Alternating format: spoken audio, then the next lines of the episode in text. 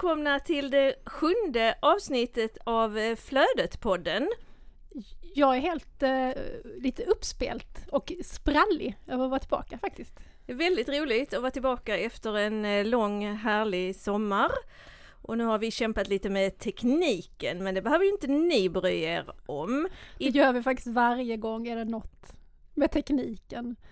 Men varje gång har vi ju ändå bemästrat den. Ja, det, det har vi gjort. Och idag ska vi prata om utmärkelser. Ja, priser och eh, ja, be, priser som man kan få inom skolbiblioteksvärlden helt enkelt. Ja. Vad ska det vara bra till egentligen? Ja. Och med anledning av detta har vi bjudit in en hemlig gäst som eh, sitter här i studion och precis har ätit upp en chokladboll. Ja, vi har fått chokladbollar idag, så smaskar det lite så är det jag som inte har hunnit med min ännu. Och nu är ni väl väldigt nyfikna på vem den här personen är. Och då eh, tänkte jag presentera henne. Ja. Och det här är en, en person som jag har känt i 14 år. En eh, fantastisk person. Och det är faktiskt eh, Kristina Strömvall som jobbar... Joho! Välkommen hit Kristina! Tusen tack! Du eh, är den mest prisbelönta skolbibliotekarien av alla. Det vet jag inte. Men det vet vi! Vi har, vi har räknat ut det, vi vet att det är så. Så att det, det, det är därför du är här och sen är du en väldigt klok person också. Och nu ska jag presentera dig. Du har arbetat som lärare i drygt 30 år. Och 2003 började du jobba som skolbibliotekarie ja, i stämmer. Kävlinge, Mm, det stämmer. mm. Och samtidigt som du började jobba så startade du en utbildning på Högskolan på Gotland. Mm. Hur, hur lång var den utbildningen? Ja, den var på distans, jag tror att den var en ettårig utbildning. Den riktar sig enbart till skolbibliotekarier. Och eh, så var vi över några helger och någon månad på sommaren. Och du jobbar ju på Sköna Dalsskolan och det är en FT6-skola, Mm. eller hur? Det stämmer, med ungefär 500 elever. Och det, från början så var det ett integrerat folk och skolbibliotek. Ja, det var det faktiskt när jag började jobba där. Så då hade jag ju en folkbibliotekariekollega, Ann Davidsson.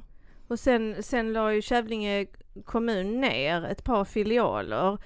Men då, eh, då utnyttjade du det här tråkiga till något positivt, att du lät skolbiblioteket ta mer plats. Precis, jag menar vi kunde, ja det är klart att vi hängde läpp för att det drabbade ju stora grupper men man måste ju också vända det och göra något positivt av det. Och, och, så det var bara att spotta i nävarna och sätta igång. Och det, det gjorde du verkligen. Du, du och jag träffades första gången på en eh, föreläsning som Skolbibliotek Syd ordnade. När jag var nyutbildad så gick jag på alla grejer som Syd ordnade. Så det är ett tips till er där ute. Ta reda på vad det finns för, eh, för skolbiblioteksförening där ni jobbar och, och se till att gå med där och vara aktiv. Jag lärde mig väldigt mycket och så, så fick jag ju träffa dig. Och samma sommar så gick vi en berättarkurs på Fridhems folkhögskola. Ja, den minns jag fortfarande med stor värme. Det var, det var väldigt bra och du, du gick ju vidare efter den här eh, kursen och blev medlem i Berättarakademin. Ja, Så att nu är du ute och busar på skolor och gör berättarattacker ja jag har liksom två jobb, ett berättarjobb och ett skolbibliotekariejobb. Mm. Och du har ju fått många priser. 2006 så blev du årets skolbibliotekarie och 2007 utsågs Stjärnedalsskolan till årets skolbibliotek. Och sen förra året så fick ju skolbibliotekarieteamet i Kävlinge, ni fick ju årets skolbibliotek, så att då fick du ju liksom det för andra gången. Men inte nog med detta, för att i juni i år så blev du årets medarbetare i Kävlinge kommun. Och det är fantastiskt roligt. Du, ni som inte bor här i Skåne, ni kanske inte vet eh, vad Kävlinge är för något, men det är en kommun med 31 000 invånare. Och så, så delar de ut lite priser till, eh, till kommunanställda och du, du blev årets medarbetare. Grattis! Tack! Ja, jag blev väldigt förvånad. Det hade jag verkligen inte väntat mig och det var ju så roligt. Jag tänkte att vi kanske ska reda ut lite om de här olika priserna, eller vad säger du Klara? Mm, det är väl bra, en bra idé. För att det här som du nämnde, för första priset Kristina fick och som faktiskt du och jag också har fått. Ja. Årets skolbibliotekarie. Det är ju ett pris som har gått i graven, eller hur? Ja, det, det finns inte längre. Det var Bonnier Carlsen och Bonnier Utbildning som delade ut det här eh, priset och det, de började dela ut det 1995. Eh, det har gått till Lund två gånger. Kristina Lundborg som var på Gunnesboskolan fick det 2003 och sen fick du och jag det tillsammans 2009. Ja, Och året Så därefter så, så eh, ja, alltså Bonnier Carlsson slutade dela ut det så att det var de regionala skolbiblioteksföreningarna som delade ut det 2010.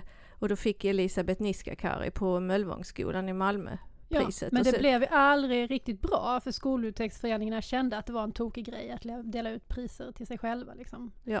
Så det, det försvann. Så, så det, Ja. det priset, det, ja, det, fin- det kan man inte få längre. Men årets skolbibliotek, Yes. Det har du också fått två gånger Lotta. Du ligger inte långt efter Kristina. nej, jag li- ligger lite. Jag har bara fått en, fast jag har varit nominerad en gång till. Ja.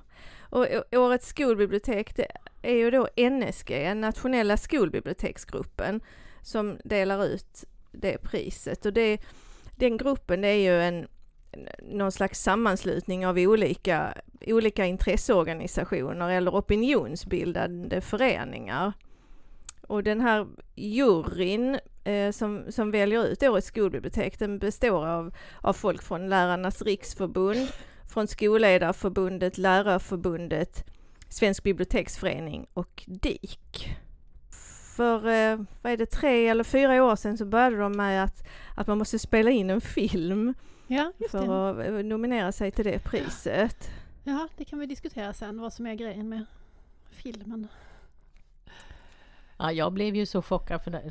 Jag- fick till uppgift i min grupp att skicka in den här och jag visste ju att det skulle bli en film men trodde ju att den skulle komma om man blev nominerad.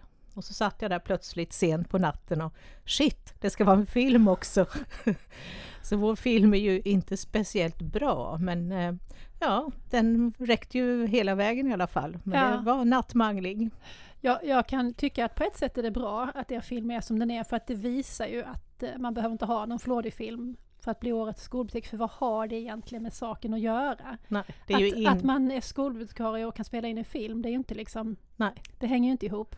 det är väl budskapet i, i filmen som är det viktiga egentligen. Ja, precis. Nu har vi ju, i år har vi, vi har ju, var ju nominerade förra året eh, på Spikens bibliotek. Och eh, då gjorde vi en film själva. Eh, men vi har ju medieelever här så vi kände att varför ska vi hålla på med detta när vi har medieelever? Så i år har medieeleverna gjort filmen. Vilket gör att den är snyggare och proffsigare men innehållet är ju inte liksom...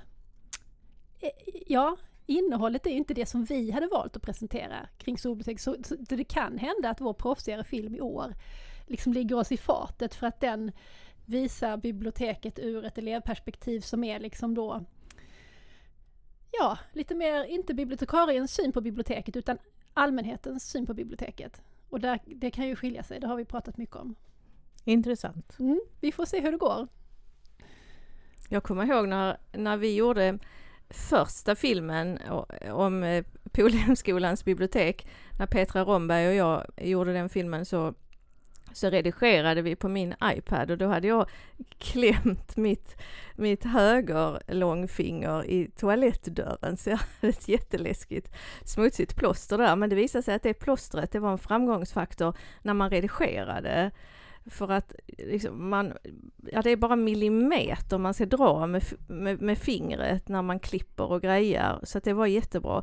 Så att året därefter när vi gjorde den andra filmen för första året så när, när vi var nominerade så, så blev det ju inte vi. Så då fick vi göra en film till året efter och det var mycket svårare när det inte fanns något plåster på plats. Aha, man kunde inte sätta på det ett plåster då bara? Nej, det funkar inte så. Nej, okej. ja, ja, men då är det ett tips. Alla ni som vill göra en film, kläm fingret och sätt på ett plåster. Eller gör det i sista stund. Eller gör det i sista stund. Ja, precis. Så att de verkligen ser att nej men här kan de annat än att filma. Jag, jag har kommunicerat lite med Jenny Nilsson som jobbar på Svensk biblioteksförening Ja.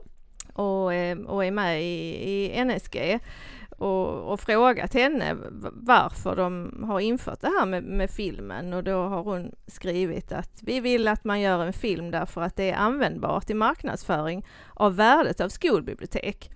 Det bör också vara användbart för den en, det enskilda skolbiblioteket även i andra sammanhang och vi tror att det kan bli en intern marknadsföring på skolan av biblioteket när man gör filmen.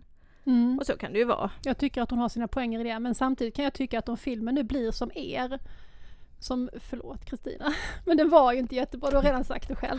Då, frågan är hur bra reklam är det egentligen för biblioteket? Ja, men jag kan se en annan poäng med det, därför att filmen får ju vara högst tre minuter. Och du måste ju verkligen tänka ut vad är det viktigaste som jag bara kan säga på tre minuter. Mm. Så där ligger ett värde tycker jag, för att det är så lätt att ordbajsa. Det är Ja. vi duktiga på. Jo, Mm. jo, mm, ja det är sant. En, e- ett till poäng för filmens fördel. Men vi har ju en utmärkelse till som man kan få, som vi också har fått. Ja, och det är skolbibliotek i världsklass. Eh, och det är ju DIK som delar ut det priset, alltså vårt fackförbund. Och i år är det 32 skolor som har fått den här utmärkelsen. Man söker ju den varje år och man går aldrig säker. För Nej, skolor som har, som har haft den här utmärkelsen och som fortsätter att utveckla sin verksamhet och, och gör ett jättebra jobb, rätt vad det är så, så blir de av med den här klassningen eller utmärkelsen eller hur man, hur man ska kalla det. Ja, det hände mig på Backaskolan. Jag hade fått det alla år och sen helt plötsligt ett år så fick jag inte det och då hade jag liksom ändå gjort precis samma sak som innan plus att jag tyckte personligen att jag hade lyckats lite extra bra med informationssökningen i treorna. Och så fick jag inte det. Och då blev jag fruktansvärt snopen. Ja, ja det, är ju, det är lite deppigt när det blir så. Då har jag tittat på DIKs sida och då skriver de så här om, om den här utmärkelsen. Hälften av alla elever saknar tillgång till ett skolbibliotek med bemanning. Men det finns goda förebilder och de vill DIK hylla. Mm. Så att ja, det är väl att sätta fokus på skolbiblioteken. Ja. Och till skillnad från de andra utmärkelserna då så kan man eh, få det hur många gånger som helst. Det verkar ju på er två som att man kan få årets skolbibliotek också hur många gånger som helst men Det finns nog begränsningar. Ja. Och då när man, när man får den här, den här utmärkelsen skolbibliotek i världsklass, då får man ju en logga som man kan ha på, på skolans webb. Och så får man ett diplom ja. som man kan skriva ut och ha på väggen. Ja, men då, då ska vi ju prata lite grann om, om det här. Liksom vad, vad är grejen? Vad är grejen med de här olika priserna och tävlingarna? Vad hände när du fick ditt första pris som skolbibliotekarie? Vad förändrades för dig? Jag tyckte att jag fick ett större självförtroende på något sätt. Det jag sa fick också mer tyngd. Alltså, folk hade lyssnat på mig tidigare också men det blev ännu mer så att man lyssnade. Och jag tyckte att det spillde över på elever också som var väldigt stolta. Och jag sa, ja men det beror ju på att ni har jobbat så bra med informationssökning och, och, och läst så mycket och så. så att, det- och det är också ett bra rykte till skolan. Att det här är en skola som har fått den här utmärkelsen. Och jag vet att man säljer hus i Hofterup på sådana här eh, eh, saker. Så att det, det ger effekt. Och då med att man säljer hus i Hofterup? Man att- säger att det är en bra skola, där finns ett bibliotek som har fått många utmärkelser, säger mäklarna. Ah, Så att, att bli årets skolbibliotek, det kan alltså höja värdet på närliggande hus. Det är ni. Det, Ja, ja, det är coolt. det är ju fantastiskt. Fast det viktigaste kan jag ändå tycka att eh, det här blir ett bra dokument att, och som startar upp ett samtal mellan skolledning och skolbibliotek och personal på skolan. Och att man kan ha det som någon sorts eh, barometer på. Har vi nu lyckats? Vad ska vi jobba vidare med och sådana saker? Och där tycker jag kanske att vi har det viktigaste eh, i de här utmärkelserna. Mm. Mm. Jag känner igen mig i allt du säger faktiskt. Det där med att eh, eleverna blir glada, föräldrarna blir också glada och Ja. stolta och, eh, och den andra personalen på skolan fick ju upp ögonen också så de visste ju innan också att man var duktig liksom. Men de fick upp ögonen för biblioteksverksamheten ännu mer. Och när vi har öppet hus på Polhemskolan då kommer det en, en massa folk, för, föräldrar och, eh, och deras eh, barn. Och de går ju runt på de olika gymnasieskolorna och då är det många som känner till att vi har fått pris Mm. och frågar om det. Vad är det ni gör som är så speciellt? Och så, det, det är ju väldigt roligt. Mm. Ja, jag tycker det är väldigt intressant det där att man som elev också känner stolthet. Jag kan komma ihåg det när jag fick nya grannar och eh, killen som bodde där varannan vecka, han som gick då på Norra Fäladens skola och han berättade med stolthet i rösten att där jobbar Lotta och hon har faktiskt fått, alltså, jag känner Lotta. Så, och då fick jag ju också, höjdes jag ju också lite i. Så att det är sant, alltså det, det spiller över. Vi har eh, någon nyanställd lärare som sa att en av anledningarna till att hen sökte sig till Polhemskolan var att det fanns ett bra bibliotek där. Mm.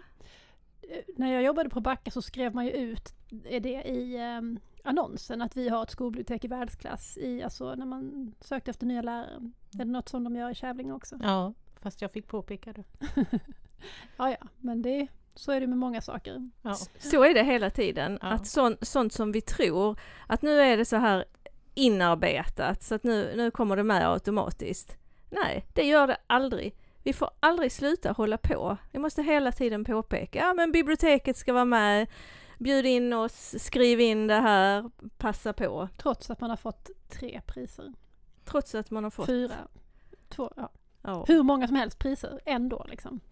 Jaha, Det hjälper inte. Nej. Nej, och det är också bra, man måste skärpa till sig. Det, det tycker jag är jättebra. Det är, ja. Ja, och det är också en viktig sak att ta upp i förhållande till priser därför att det kan ju tänka sig att man blir lite sådär bara ja, nu har vi fått det här priset, härligt, nu vilar vi på lagrarna och eh, nu, nu är det ju bra.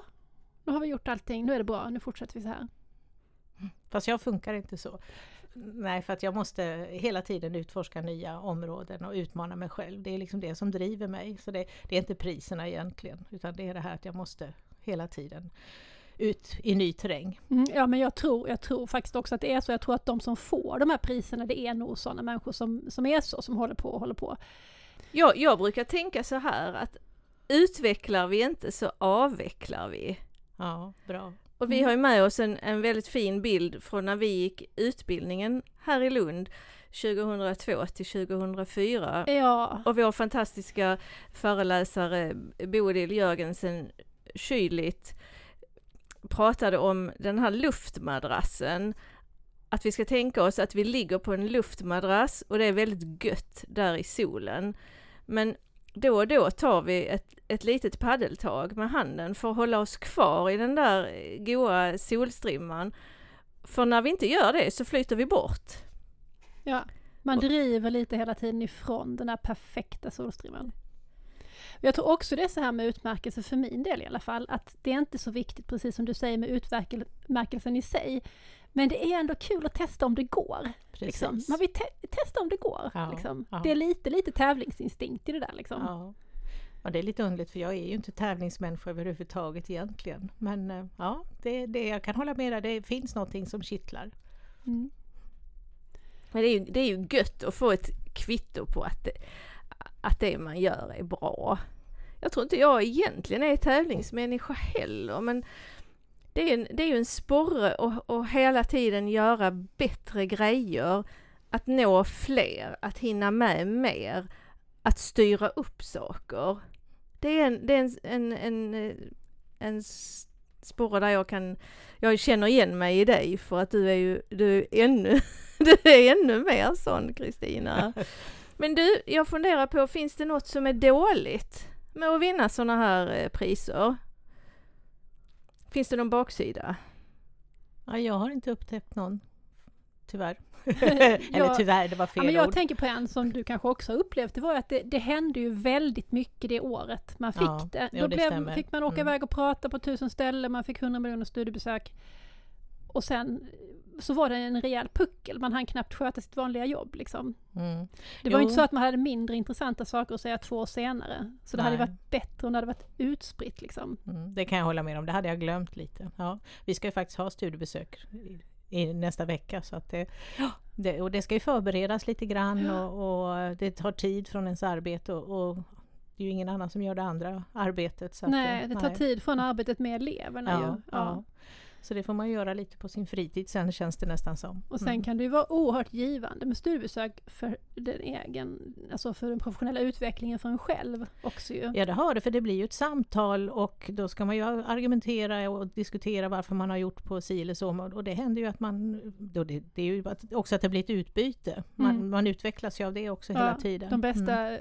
studiebesöken blir, är ju de som blir som utbyte. Ja, Liksom. Ja, att man, man sitter och diskuterar, hur, hur gör ni och hur kan man tänka kring det här?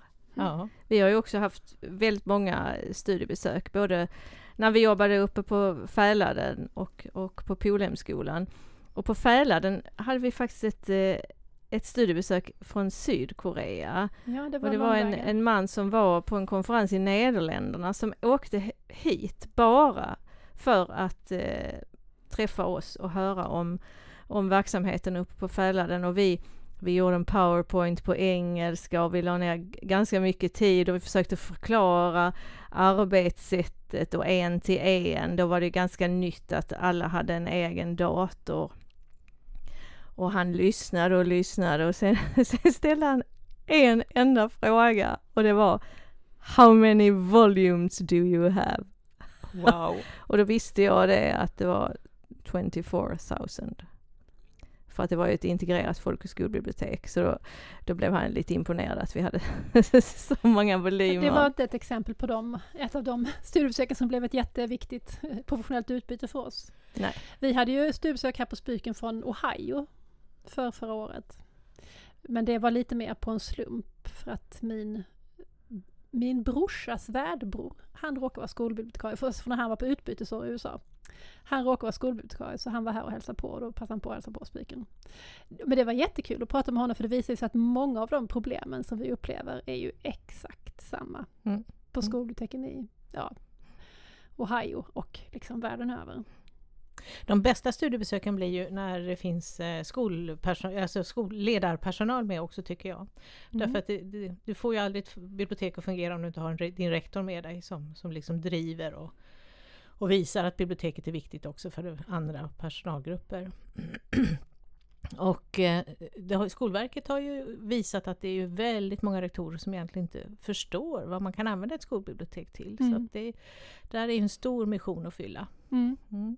Man borde kanske försöka verkligen, när man nu blir årets skolbibliotek, så, så kanske man när man ska ta emot eh, studiebesök, eh, lägga det som ett litet villkor. Ja, Vi tar inte betalt, vi tar emot alla som vill komma, ja. men rektorn ska vara med. Mm, vi gjorde det på slutet faktiskt eh, i förra omgången. Det är en riktigt bra idé. Mm. Men så har det nog varit på alla de studiebesöken vi har haft på Polhem. Att, att det har varit med olika yrkeskategorier, att det har varit både skolledare, lärare, ibland har det varit någon administratör också, Mm. förutom skolbibliotekarierna. Mm. Ja men det är bra. Det, det, det pro- propagerar ju för i fortsättningen. Men Vi var lite inne på de negativa sakerna. Ehm, om det finns några fler? Ja, det, det här som gör så att man kanske blir bekväm av sig skulle kunna vara en negativ sak. Eh, men sen tänker jag att det finns ju en negativ sak för de som in, aldrig får liksom. Mm. Jag tycker själv aldrig att jag har mötts av någon som helst missunnsamhet i det, i det här när man själv har fått pris. Men däremot en liten, liten trötthet från kollegor som har liksom ja, men suckat lite och sagt ja men det är faktiskt jobbigt att aldrig vara den som får. Och, och det är ju inte kollegornas fel utan det är för att de jobbar på skolor där det inte finns det här totala stödet från rektor och eh, ja, resten av skolan. Som gör att de inte kan komma i fråga för en nominering. Mm. Antalet timmar man har och sådana saker som också spelar in. Ja, precis. Ja. Det finns ju kollegor som gör ett, ett fantastiskt jobb utifrån sina förutsättningar.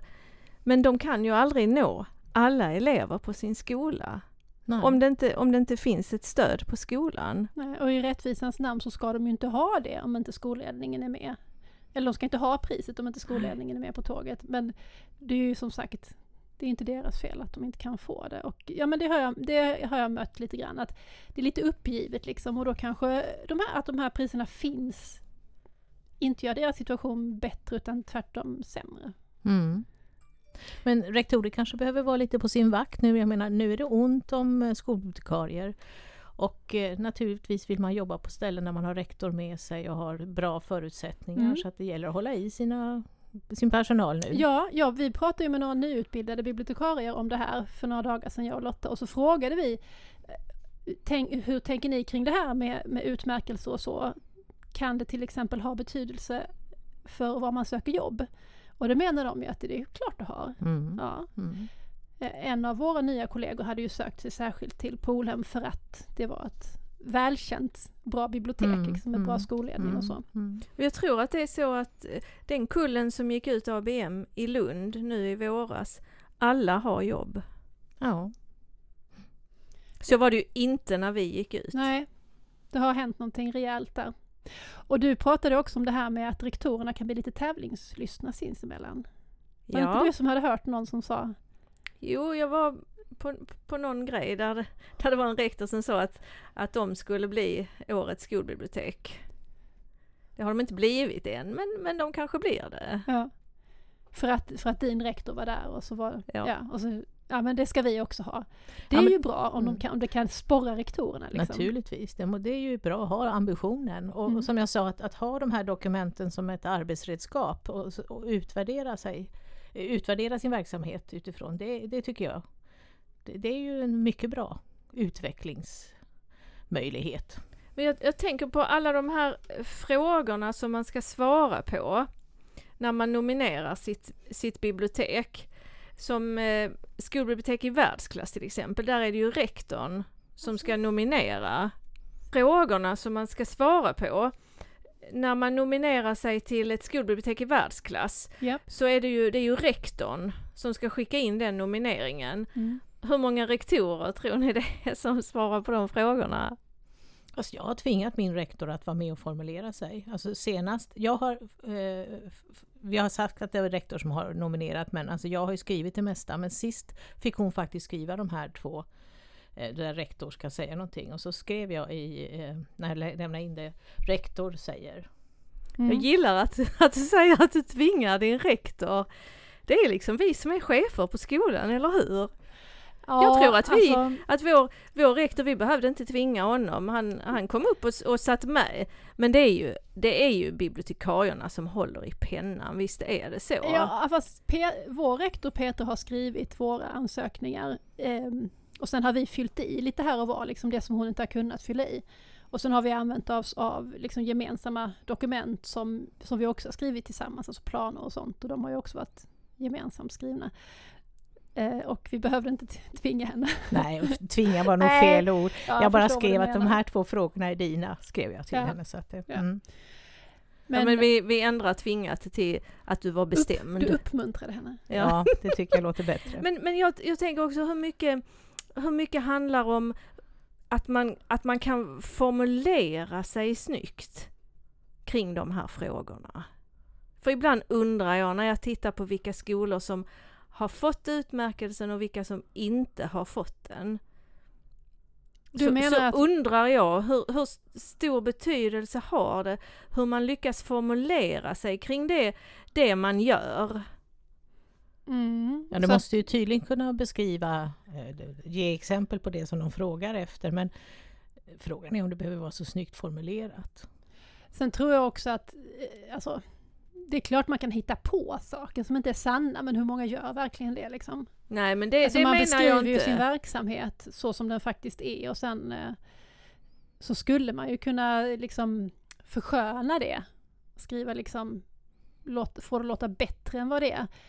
Men ja, Det tror jag skulle skina igenom. ja jag tror också att de Ja. skulle genomskåda det faktiskt. Det är ju ändå bibliotekarier som sitter i andra änden och Mm. läser de här Mm. grejerna. Nej, sen. jag tror inte att någon skriver något som är osant, men jag, jag tror på ordets kraft. Jag tror att man, att man kan formulera sig så att, så att saker och ting låter på olika sätt. Jo, det tror det jag kan man väl absolut. låta, men, men sen tänker jag att, ja okej, så här då i så fall, att de som faktiskt orkar sitta och skriva en ansökan, För det tar många timmar. ja, och, och, och du ska göra det samtidigt som du ändå sköter ditt bibliotekariejobb, det är väl de som har lätt för att formulera sig, kanske lättare för att formulera sig.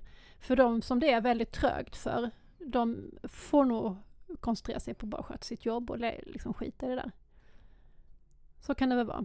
Kanske. Det är svårt att veta. Ja. Mm. Vi vet inte, vi Nej, vet inte vi, allt. vi vet ju bara om oss själva. Vi, vi vet ju bara att vi är sådana som har sökt alla priser. Alltså vi- som har kunnat söka. Alltså, vi vet inte vad som händer i Vi huvudet. är, vi är såna här som, eh, som biter tills det krasar. Vad är det, illrar som Nej. gör det? grävlingar. Grä- vi det är är grävlingar, vi det är- biter tills det krasar. Det är en faktoid, Lotta. Ja, det är, Är det så? faktiskt det en myt.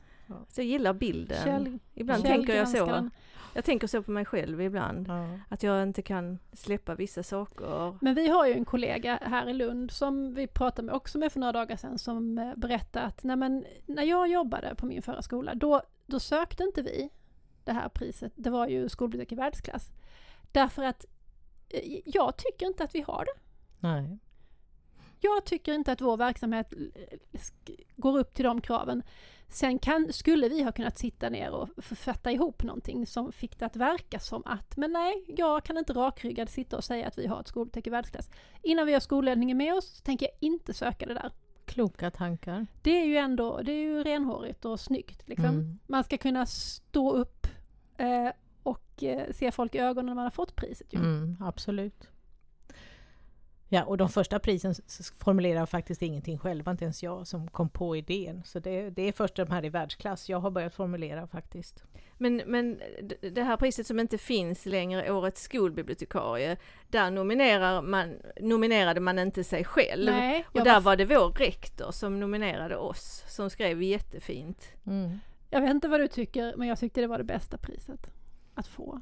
Ja, det var väldigt roligt att få. Ja, jag, jag, jag kan nog inte värdera att det ena är bättre än det andra. Det Jo men det var nog så inte. lyxigt liksom. Man, man fick åka till bokmässan och man fick hälsa på på Bonnie Carlsen. Man fick och, åka första klass på tåget, man fick bo på ett fint hotell i Göteborg. Ja, och sen fick man ju jättemycket böcker också. Ja, det är sant. Jag Mm. fick sitta och kryssa i både Bonnier Carlsen och Bonnier Mm. utbildningskatalog och jag vi fick säkert läromedel för, jag vet inte, 50 000. Det är sant, hade jag glömt. Så var det ju. Ja. Och sen var de, ja det var... Sen fick vi komma på studiebesök upp till Stockholm också mm, och hälsa på på förlaget. mm. ja, det var roligt. Och då var dina barn små, så du hade ju med dig din familj upp till Stockholm. Ja, det var precis. hur kul För att som helst. När jag fick priset, när vi fick priset då hade jag ju varit föräldraledig. Och jag var fortfarande föräldraledig eh, vissa dagar i veckan när vi tog emot det. Ja, det var jätteroligt. Så det var därför de la, la ner det Ja, vi har sen. skojat om det jag och Lotta ju, att vi liksom sög musten ur det där priset. För, för vi sa ja vi kan komma till Stockholm men eh, vi måste få ta med oss mina fyra barn. Det fick vi. Ja. Ja. Och sen liksom skillnaden då mot när vi fick årets skolbibliotek. Den, den blev lite för stor därför att när vi då skulle åka till skolforum då skulle vi själva betala vår tågbiljett till exempel. Och det kändes ju liksom som att jaha, det, det var ju kul att få pris men nu fick skolan den här utgiften. Och, Det är lite talande också eh, vad ett bokförlag kan ställa upp med och vad en eh, förening kan göra. Alltså det, det säger någonting om att vara kulturarbetare ja, Ja, det är ju- det gör det ju. Ja, Det är olika världar Ja. såklart. Synd att de la ner det där Bonnier Carlsen och Bonnier Utbildning. ja. Det var förvirrande att det fanns två olika priser men det var ändå roligt. Mm. Men jag jag tänkt på, på en grej, det här med att när det går bra så går det ännu bättre. Kan du inte fundera lite kring det? Vad, vad, vad, vad har du gjort bättre? Liksom, vad har blivit en skjuts för dig med, med utmärkelserna som du har fått? Ja, jag- jag har ju fått fler att lyssna på mig. Alltså man har ju alltid haft ett gäng, hjärntrust runt sig som man har jobbat med. Men det är fler som har lyssnat och hakat på. Därför att har man nu fått sådana här fina priser så måste det vara, vara, vara väldigt eh, kloka saker jag säger. Och, och det har ju också äggat mig själv att anstränga mig och visa att jag kan faktiskt leva upp till det här. Så att det gör ju att man, eh, man presterar bättre tror jag. Hur ska du bli en bättre medarbetare i Kävlinge kommun efter din, din senaste vinst? jag fortsätter väl på den inslagna vägen. det finns väl inte så mycket annat att göra och det är att säga ja till nästan allting. Mm. Du, du säger ja till allting. Nästan allting. Mm. Härligt. Hur kan du göra det? Ja, det, det vet jag inte. Jag menar det måste vara så att du får jobba dygnet runt. Nej, liksom. men alltså jag säger, jag hinner inte just nu, men Ja, ja. ja, mm, så, det, så gör jag. mm, Mm. det är bra. Ja. Det ska jag tänka på. Mm. Men jag tror att jag, jag säger ja till det mesta också. Jo, det är sant. Det gör man faktiskt. Det Mm. mesta säger man ja till. Är det något mer du funderar på Kristina? Mm. Jag sa ju att eh, DIKs de här frågeställningarna är bra att ha som eh, arbetsredskap och utvärdera sin verksamhet utifrån. Och jag tycker också man kan titta på eh, Skolinspektionen var ju ute och tittade nu på 20 skolbibliotek på mellanstadiet och de hade ju vissa frågeställningar som de tittade på. Samverkan, hur mycket är integrerat och i värdegrund och så vidare. Och det dokumentet kan man också ha tycker jag, att ha som ett arbetsdokument att jobba gentemot. Och sen tror jag idag det var, eller om det var, kanske var igår, så lanserade ju Skolverket eh, en bit till på sin sida där man har gett tips till rektorer hur man ska utnyttja sitt skolbibliotek och det tycker jag är guld värd. Med praktiska exempel och citat från olika skolbibliotekarier. Och det är nästan som en checklista liksom. Ja, Ja, jag tittade på den idag. Jag tyckte den såg mycket bra ut. ja. Och eh, jag tror vi alla har tipsat till den listan faktiskt. Det, mm. Ja, så det tycker jag eh, eh, det, det kan man, tycker jag att man kan ha som ett tips och vad man ska sträva mot och, och, och ha som diskussionsunderlag om man nu har en rektor som inte riktigt vet vad hen ska rikta in sig på. Mm. Men, men du som, som är så klok och som är bäst av oss alla. Att det fortfarande är så att hälften av landets skolelever inte har tillgång till ett skolbibliotek. Vad ska vi göra åt? Ja men det är väl bara att fortsätta och kämpa. Alltså det, vi kan ju också se under de här åren som jag har jobbat att det har blivit mycket, mycket bättre. Ja, det, Ja, det har har det. det. Det har blivit mycket, mycket bättre. Mm. Och det är ju också faktiskt de nya skrivningarna i läroplanen där det står att rektor ska rektor ska se till att skolbiblioteket används i arbetet med skolans digitalisering. Det är inte mycket att komma undan där. Nej, Så det måste ju hända någonting på skolinspektionsnivå då, ja. tänker man, Ja, och det- framöver. Och det, det hoppas man ju på. Ja, Ja. verkligen. Och sen har vi ju den nationella biblioteksstrategin. Ja, den är ute på en runda nu. Så Mm. att det, Mm. mm. där, där har vi ju chans att tycka till också. Ja, Ja, vi vi ska göra. till Hässleholm någon gång i oktober. Mm. Så det finns ju mycket att jobba mot eh, fortfarande men eh, det, man ska inte ge upp. Man får liksom ta små steg och sen blir man ju trött ibland och sätter sig ner och pustar men eh, det är bara att jobba vidare. Men nu, nu när det inte finns tillräckligt många utbildade bibliotekarier, tänk alla de här skolorna som ska starta upp skolbibliotek. Då får de ju då får de göra så som eh, Stjärnadalsskolan gjorde när du började jobba som skolbibliotekarie, att de, att de låter en person gå någon slags utbildning på distans. Eller Ja. gå en bibliotekarieutbildning Mm. Det på finns, distans. ju, det finns ju en distansutbildning i Borås som man kan söka samtidigt som man jobbar halvtid som lärare. Det är ju möjligt. Ja, och jag har stött på flera som har fått börja som skolbibliotekarie under tiden som man har gått den här distansutbildningen också. Det kan ju vara ett sätt. För då vet man ju också att man har en tjänst och, Mm. och, och bra praktikplats samtidigt som Ja. man går sin utbildning. Jag tycker det är ett ypperligt sätt. Ja, Ja. absolut. Och sen är man intresserad så kan man ju samtidigt som man går den här utbildningen och, och övar sig praktiskt på sin halvtidstjänst som lärare då eh, läsa på jättemycket på egen hand och lära sig. Ja. Men jag undrar hur det har gått i Linköping. För de startade ju ett projekt där de anställde som traineer. Ja, men det var nog bibliotekarier som, som skulle liksom lära sig om skolbibliotek mer specifikt. Det, det kanske vi kan ta upp. Vi får i ett kanske i återkomma ett till. Linköping för vi, verkar, vi är osäkra. Men Linköping, hör av er. Ni kanske vill komma hit och bli intervjuade i podden. Mm, Det är komma, klart hit. de vill. komma hit till Spikens ljudstudio. Ja! Men då kanske vi ska knyta ihop säcken. Jag, jag ville bara fråga er en sak först. Jag är ju lite, lite boknördig så att jag, jag vill ju ändå att vi någon gång ska boktipsa lite. Så jag tänkte fråga er två vilken den största läsupplevelsen i sommar har varit. Kristina först. Ja, det var ju Ajori, om det är vuxenbok så Ajoris den här eh, eh, De kommer, De kommer drunkna i, i sina mödrars tårar. Alltså jag fick börja på den många gånger för den är väldigt otäck. Och, och målar ju upp ett samhälle som är mycket skrämmande. Men till slut så bestämde jag mig för att nu måste jag. Och den lever inom mig fortfarande, ekar. Ja, jag håller med, jag, jag har läst den också. Mm. Och om du ska välja en barn och ungdomsbok då? Ja, jag läser ju... jag tror att jag tar en bilderbok, eh, Adbåges De som bestämmer. För den, är, den beskriver civilkurage utan några som helst pekpinnar. Den är mycket bra. Och du då Klara? Ja, jag har ju förbjudit det här med boktips i, i flödet, men jag får väl rätta mig efter dig liksom. Ja. Ja, jag har ju inte lika många priser som du, så just i det här programmet så är jag ju underdog. eh, jo, alltså vuxenbok, det är då Mödrarnas söndag.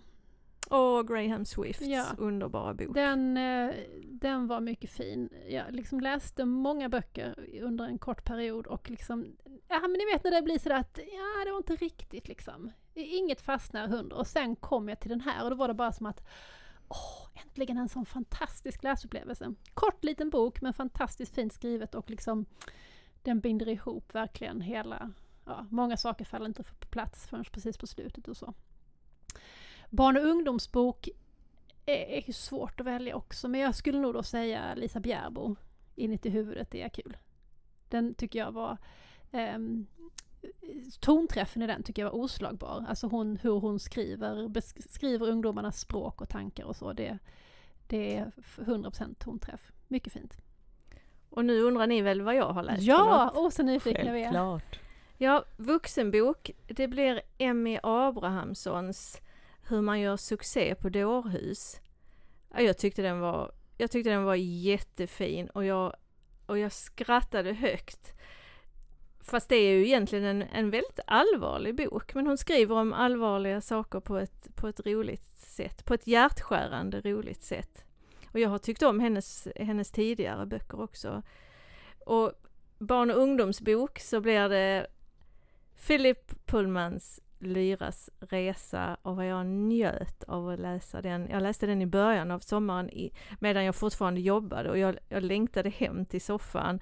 Jag liksom såg bilden av mig själv där jag skulle ligga i min orangea soffa med tekannan bredvid mig och, och, och bara få njuta av den boken. Ja, det är belöning det där att få lägga sig ner och läsa. Ja, visst är det härligt? Ja. Ja, men då så. Då vill vi tacka dig Kristina för att du eh, kom hit. Ja, det är så roligt att träffa er, så om jag gör det i det här sammanhanget eller något annat, det kan ju kvitta. Ja, tusen tack för att du kom. Och tack till dig också Lotta. Tack till dig Klara.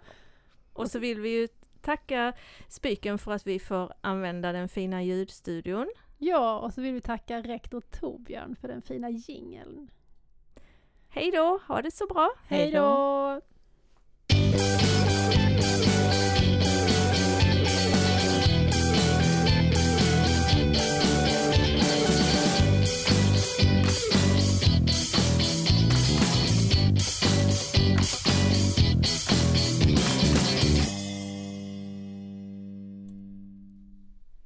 Du har lyssnat på Flödet, en podd om skolbibliotek med Klara Önnerfelt Och Lotta Davidsson Bask och vi är verksamma i Lund.